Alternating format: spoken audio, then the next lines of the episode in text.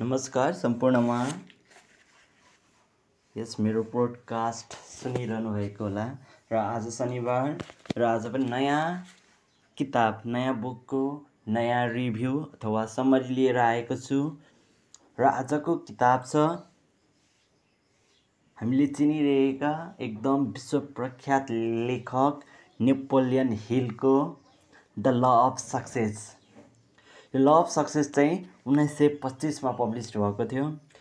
र यो बुक चाहिँ आज पनि उति नै सान्दर्भिक छ किनभने यसमा जुन कुरा लेखकले अथरले भन्नुभएको छ त्यो चिज आज पनि एप्लिकेबल छ।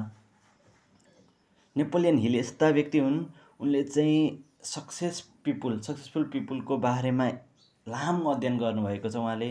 यो संसारभरि सक्सेसफुल सक्सेस पाएका पिपुलहरूको बारेमा चाहिँ उहाँले लामो बिस वर्ष जतिको निरन्तर रिसर्च र निरन्तर एक्सपिरियन्सबाट नेपोलियन हिलले चाहिँ के पाउनुभयो भन्दाखेरि चाहिँ you found out the common sixteen law उहाँले चाहिँ ती सफल व्यक्तित्वका सोह्र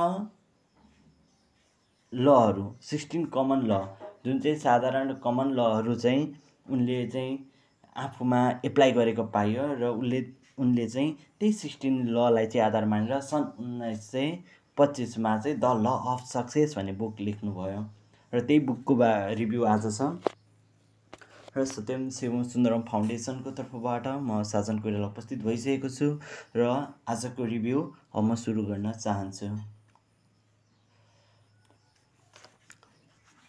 नेपोलियन हिलले यस द ल अफ सक्सेस बुकमा। एउटा सक्सेसफुल व्यक्तिले कस्तो ललाई चाहिँ मानेर अघि बढ्नुपर्छ भनेर उनले यस बुकमा लेखेका छन्। यदि साथी तपाईँ सुन्नुहुँदैछ भने तपाईँ पनि आफ्नो जीवनमा यी सोह्रवटा लहरू लगाएर हेर्नुहोस् र यदि तपाईँ कर्पोरेट बिजनेसमा हुनुहुन्छ अथवा तपाईँ इन्डिभिजुअल हुनुहुन्छ भने तपाईँ यो चिजलाई हेर्नुहोस् किनभने यो इन्डिभिजुअल र अर्गनाइजेसन दुइटैको लागि आवश्यक छ। किनभने लेखक नेपोलियन हिलले जुन ल पत्ता लगाउनु भयो यो उहाँले यो उहाँले एउटा अर्गनाइजेसनमा को लामो अध्ययन इन्डिभिजुअलको लामो अध्ययनबाट प्राप्त गर्नुभएको ल हो। र यस लमा लेखक के भन्नुहुन्छ भने पहिलो ल छ the master mind master mind master mind भनेको जब हामी दुई वा दुईभन्दा बढी जब दुई वा दुईभन्दा बढी व्यक्ति मिलेर कार्य गरेमा जब दुईभन्दा दुई बढी व्यक्ति मिलेर कार्य गरेमा जब हामी एक एक एक जोडिएर काम गर्छौँ त्यहाँ नयाँ आइडिया जेनेरे के हुन्छ? जेनेरेसन हुन्छ। जब हामी एक वा एकभन्दा बढी व्यक्ति मिल्छौँ त्यसको आइडिया नयाँ जेनेरेसन हुन्छ। त्यही भएर तपाईँले देख्नुभएको होला विभिन्न कम्पनीहरूमा मिटिङ गर्ने मिटिङ गर्ने मिटिङ गर्ने गर्छन् उनीहरूले त्यहाँ एक किसिमको इन्भाइरोमेन्ट बनाउँछन्। होइन?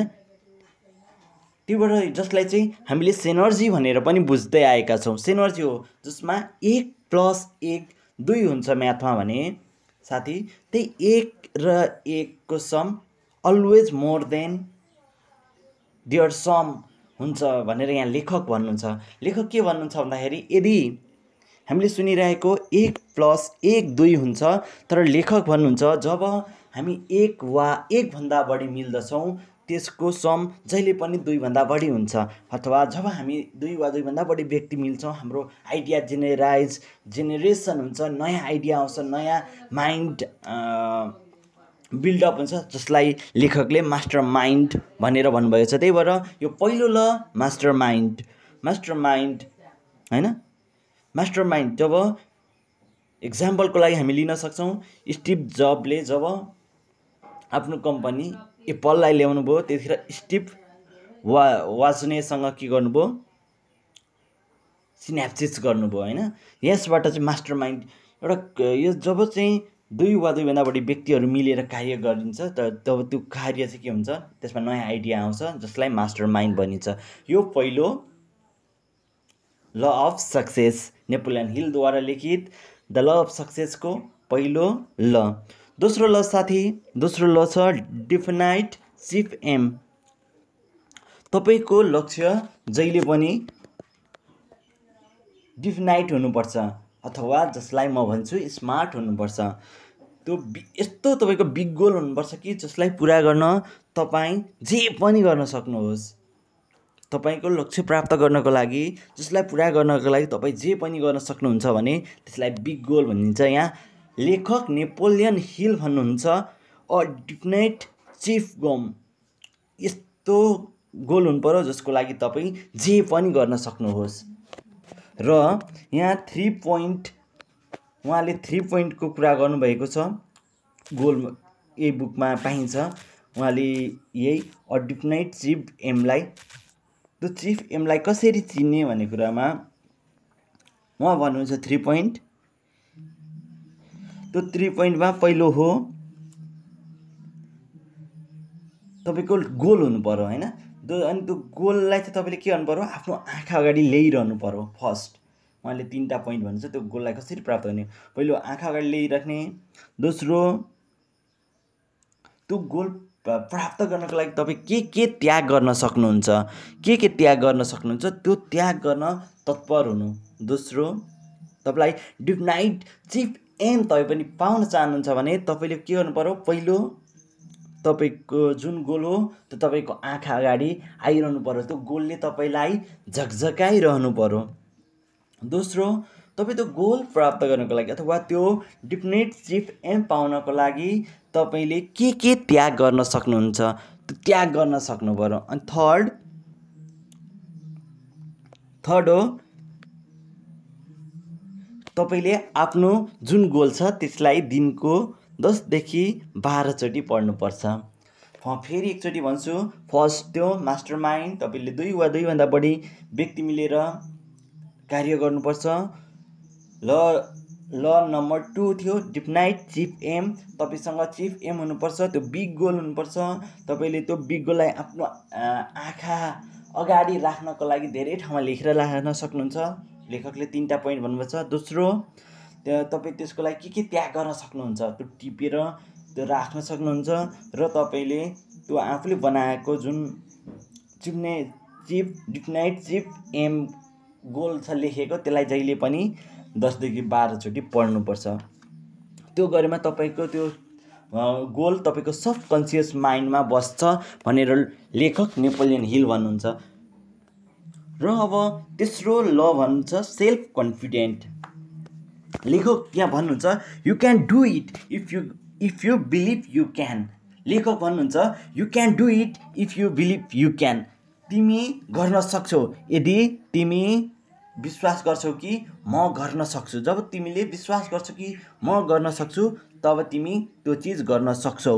अथवा तिमी जबसम्म तिमीमा आफूमा कन्फिडेन्ट हुन्न तबसम्म तिमीले त्यो आफूले बनाएको गोललाई त्यो बिग गोललाई चाहिँ पूर्ण गर्न सक्दैनौ। त्यही भएर साथी यदि तपाईँसँग पनि कुनै लक्ष्य छ तपाईँसँग पनि कुनै एम छ तपाईँ पनि केही गर्न चाहनुहुन्छ भने सुरुमा गो सुरुमा तपाईँले के गर्नु पऱ्यो तपाईँसँग मास्टर माइन्ड हुनु पऱ्यो त्यहाँबाट तपाईँसँगको एउटा बिग गोल हुनु पऱ्यो बिग गोललाई तपाईँको आँखा अगाडि देखिने गरी तपाईँ इन्डिकेट गर्ने गरी तपाईँले लेखेर राख्नु पऱ्यो र त्यसको लागि के के त्याग गर्न सक्नुहुन्छ त्यो मा तपाईँले माइन्ड मेकअप गर्नु पऱ्यो र तपाईँको लक्ष्य चाहिँ तपाईँको आँखा अगाडि तपाईँलाई झकझकाइरहनु पऱ्यो दस दिनको पाँच दसचोटि तपाईँले पढ्नु पऱ्यो यो गर्दा तपाईँको सबकन्सियस माइन्डमा त्यो गोल बस्छ त्यो पछाडि तपाईँ आफूलाई सेल्फ कन्फिडेन्ट राख्नुपर्छ। तर लेखक भन्नुहुन्छ यदि तपाईँ सेल्फ कन्फिडेन्ट राख्दा राख्दै पनि त्यहाँ डिफ्रेन्ट टाइप अफ फियर्स हुन्छ जसको कारणले मान्छे चाहिँ आफ्नो लाइफमा सफलता प्राप्त गर्न सक्दैन। ती छ सिक्स टाइप अफ फियर्सहरूमा पहिलो हो गरिबीको गरिबीको डर। यदि तपाईँमा पनि गरिबीको डर छ भने आजदेखि त्यसलाई त्याग दिनुहोस् दोस्रो डर हो आलोचना। आलोचना भनेको सबैभन्दा ठुलो रोग के भन्छन् लोक होइन? अरूले के भन्छ भन्ने एउटा डर हुन्छ त्यो आलोचनाबाट पनि तपाईँ सकभर मुक्त हुनुपर्छ। यदि तपाईँ आफ्नो जीवनमा सफल हुन चाहनुहुन्छ भने। तेस्रो बिमारी।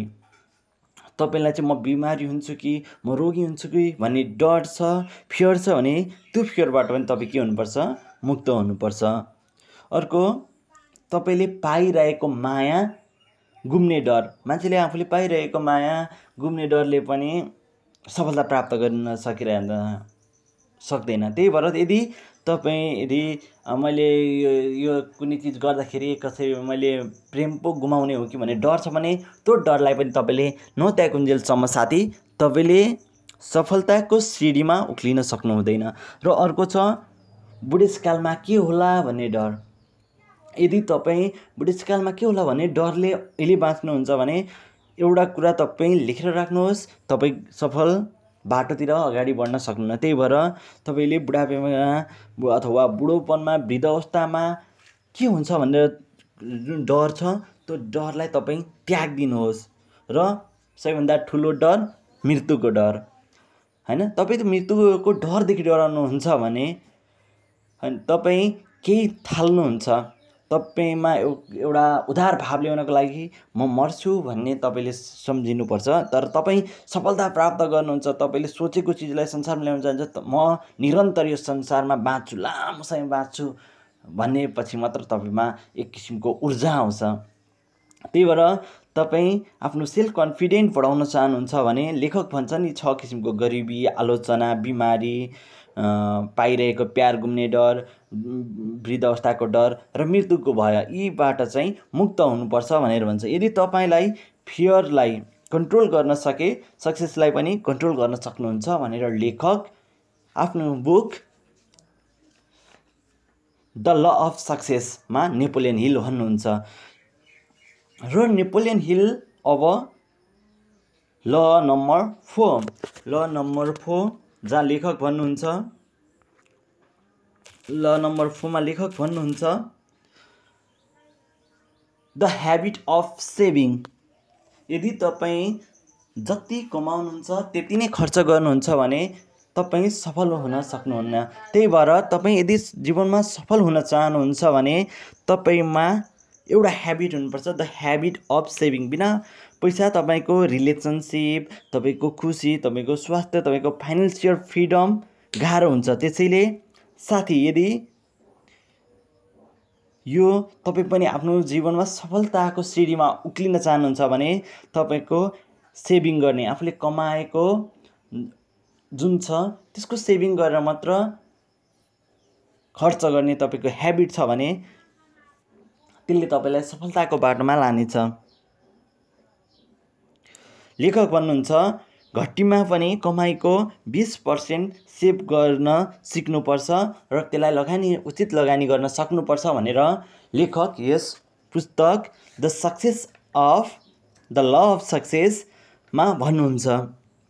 अब पाँचौँ ल इनिसिएटिभ एन्ड लिडरसिप बिना कसैको अर्डर एडभाइस अथवा आफै एउटा डिसिजन मेकिङ क्यापासिटी बिल्डअप गर्नु आफैले एउटा चाहिँ एउटा अन्टरप्रिनर बन्न खोज्नुलाई चाहिँ के भन्छ इनिसिएटिभ भन्छ। होइन?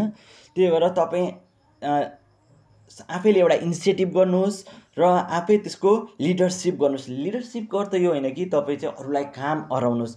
तपाईँ आफू पनि काम गर्नुहोस् र अरूलाई पनि उत्प्रेरित गरेर काम गर्न सक्नुहोस्। र त्यो कुरा लेखकले इनिसिएटिभ एन्ड लिडरसिपमा भन्नुभएको छ। अब ल नम्बर सिक्स इमेजिनेसन। साथी संसारमा त हामीले जे देख्छौँ जे पाउँछौँ त्यसको पहिलो कामै इमेजिनेसन हो। हामीले जे देखेका छौँ र जे भोगिरहेका छौँ यो कसै न कसैको इमेजिनेसनबाट बनेको हो। त्यही भएर आइन्स्टाइन पनि हुनुहुन्छ इमेजि imagination is the greater than knowledge. ज्ञानभन्दा imagination ठुलो हुन्छ भनेर अल्बर्ट आइन्स्टाइनले पनि भन्नुभएको छ। त्यही भएर तपाईँ पनि यदि सक्सेसफुल अथवा सक्सेसको बाटोमा अगाडि बढ्न चाहनुहुन्छ भने तपाईँ इमेजिन इमेजिनेसन गर्न सिक्नुहोस्।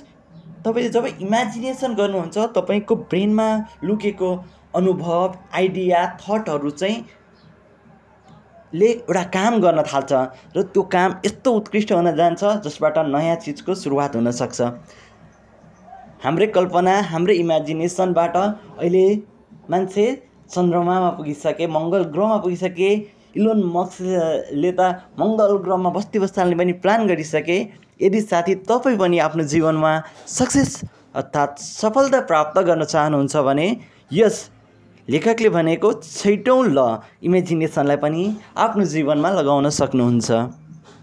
सातौँ ल इन्थुजियाजम। इन्थुजियाजम इन्थुजियाजम भनेको त्यो हो जसले चाहिँ तपाईँलाई एनर्जाइज गर्छ तपाईँको इच्छा शक्तिलाई बढाउँछ तपाईँको विल पावरलाई बढाउँछ होइन? जसले चाहिँ तपाईँलाई ट्रिगर गर्छ कि कसरी सफल आफ्नो कामलाई चाहिँ कसरी गर्ने कसरी गरौँ भनेर ट्रिगर गर्छ त्यसलाई इन्थुजियाजम चाहिँ इच्छा शक्ति होइन? जसले तपाईँलाई ऊर्जा दिन्छ। तपाईँ जेले खुसी हुनुहुन्छ त्यो गर्नु। तर त्यो तपाईँको के हुन्छ डिफाइन्ड चिप एमसँग मिल्नुपर्छ भनेर लेखक भन्नुहुन्छ। तपाईँले जेमा खुसी पाउनुहुन्छ यदि तपाईँले त्यसलाई नै आफ्नो चाहिँ गोल बनाएमा चाहिँ तपाईँ इन्थुजी इन्थुजियाजमसहित एनर्जाइट भएर चाहिँ त्यो काम गर्न सक्नुहुन्छ भनेर लेखक नेपोलियन हिलले आफ्नो पुस्तक द ल अफ सक्सेसमा भन्नुभएको छ। यस बुक एकदम उत्कृष्ट छ। म त्यो बुकको अरू कुरा भन्दा पनि त्यस बुकमा युज भएका सिक्सटिन लहरूलाई मात्र यहाँ एक्सप्लेन गर्न गइरहेको छु यदि तपाईँलाई कुनै डिफिकल्ट छ केही अप्ठ्यारो छ बुझ्नुभएको छैन भने तपाईँले यस पोडकास्ट सुनेर कमेन्ट गर्न सक्नुहुन्छ। Self control. आठौँ ल सेल्फ कन्ट्रोल। यदि तपाईँ आफूलाई कन्ट्रोल गर्न सक्नुहुन्न भने तपाईँले अरूलाई कन्ट्रोल गर्न सक्नुहुन्न। तपाईँ इन्थुजिया इन्थुजियाजम अथवा इन्थुजियाजम अथवा एनर्जाइज भएर द ट्रिगर मात्र हुने हो तर त्यसलाई कन्टिन्युस राख्नको लागि तपाईँको हुन्छ सेल्फ कन्ट्रोल हुनुपर्छ। होइन? No one control others unless they first control themselves कोहीले पनि अरूलाई कन्ट्रोल गर्न सक्दैन जबसम्म उसले आफूलाई कन्ट्रोल गर्न सक्दैन। लेखक भन्नुहुन्छ त्यही भएर यदि त्यो आठौँ ल सेल्फ कन्ट्रोल तपाईँमा हुन जरुरी छ। त्यस्तै नो ह्याबिटको बारेमा लेखक भन्नुहुन्छ habit of doing more than you paid for यदि तपाईँ चाहिँ तपाईँलाई जतिको लागि काम अराएको छ त्योभन्दा बढी गर्न तत्पर हुनुहुन्छ गर्न गर्नुहुन्छ भने त्यसले तपाईँलाई सफलताको बाटोतिर लान्छ। यो चाहिँ जब लेखकले अर्गनाइजेसन अथवा इन्डिभिजुअल प्रत्येक व्यक्तिलाई अध्ययन गर्नुभयो बिस वर्ष लामो रिसर्चपछि उहाँले पत्ता लगाएको यो ल हो त्यही भएर यसलाई हेर्नु habit of doing more than you paid तपाईँसँग यस्तो ह्याबिट हुनुपर्छ कि तपाईँ चाहिँ जति उसले अपेक्षा राख्छ त्योभन्दा केही बढी गर्ने तपाईँमा ह्याबिट छ भने तपाईँ सफलताको बाटोमा हुनुहुन्छ। लेखक भन्नुहुन्छ जब तपाईँले चाहिँ जब तपाईँ चाहिँ आफ्नो जबलाई इन्जोय गर्नुहुन्छ जब तपाईँ आफ्नो प्रोफेसनललाई इन्जोय गर्नुहुन्छ तब तपाईँ अरूले सोचे भन्दा अरूले चाहे भन्दा बढी के गर्नुहुन्छ? काम गर्न सक्नुहुन्छ। अरूले अरूले पेड गर्ने भन्दा बढी तपाईँले दिन सक्नुहुन्छ। त्यही भएर साथी तपाईँ सम्झिनुहोस् तपाईँलाई मनपर्ने जब तपाईँ छान्नुहोस् र त्यसको त्यो छ भने तपाईँले पक्कै पनि अरूले अपेक्षा गरे भन्दा बढी तपाईँले त्यसको मूल्य दिनुहुनेछ। लेखक यस बुकमा दसौँ दसौँ ह्याबिट भन्नुहुन्छ प्लिजिङ पर्सनालिटी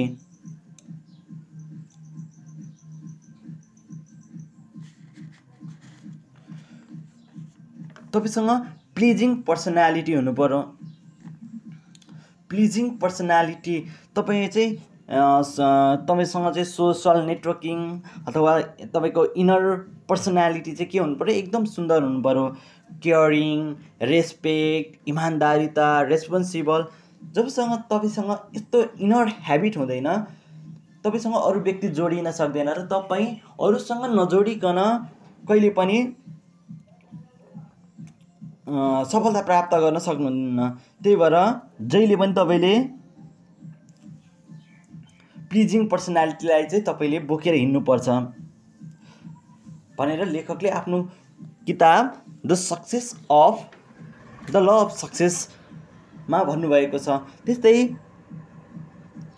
अथरले यहाँ यहाँ भन्नुभएको छ तपाईँ जस्तो पर्सनालिटीसँग काम गर्न चाहनुहुन्छ जसले रेस्पेक्ट केयर गरोस् जब तपाईँ अरूले तपाईँलाई जस्तो व्यवहार गरोस् भन्ने तपाईँ चाहनुहुन्छ त्यही व्यवहार तपाईँले गरेमा अरू मान्छे तपाईँसँग के हुन्छ? काम गर्न तत्पर हुन्छन्। र यो सफलताको दसौँ सूत्र थियो र एघारौँ सूत्र हो एकुरेट थिङ्किङ एकुरेट थिङ्किङ भनेको तपाईँ तपाईँ केमा विश्वास गर्नुहुन्छ? जे तपाईँ सुन्नुभयो त्यसमा विश्वास नगर्नुहोस्। तपाईँले सबै सुनेको चिजहरूलाई चाहिँ कलेक्ट गरेर त्यो इन्फर्मेसनलाई चाहिँ एनालाइज गर्नुहोस् र एनालाइज एनालाइज गरेपछि त्यसको इम्पोर्टेन्ट के छ?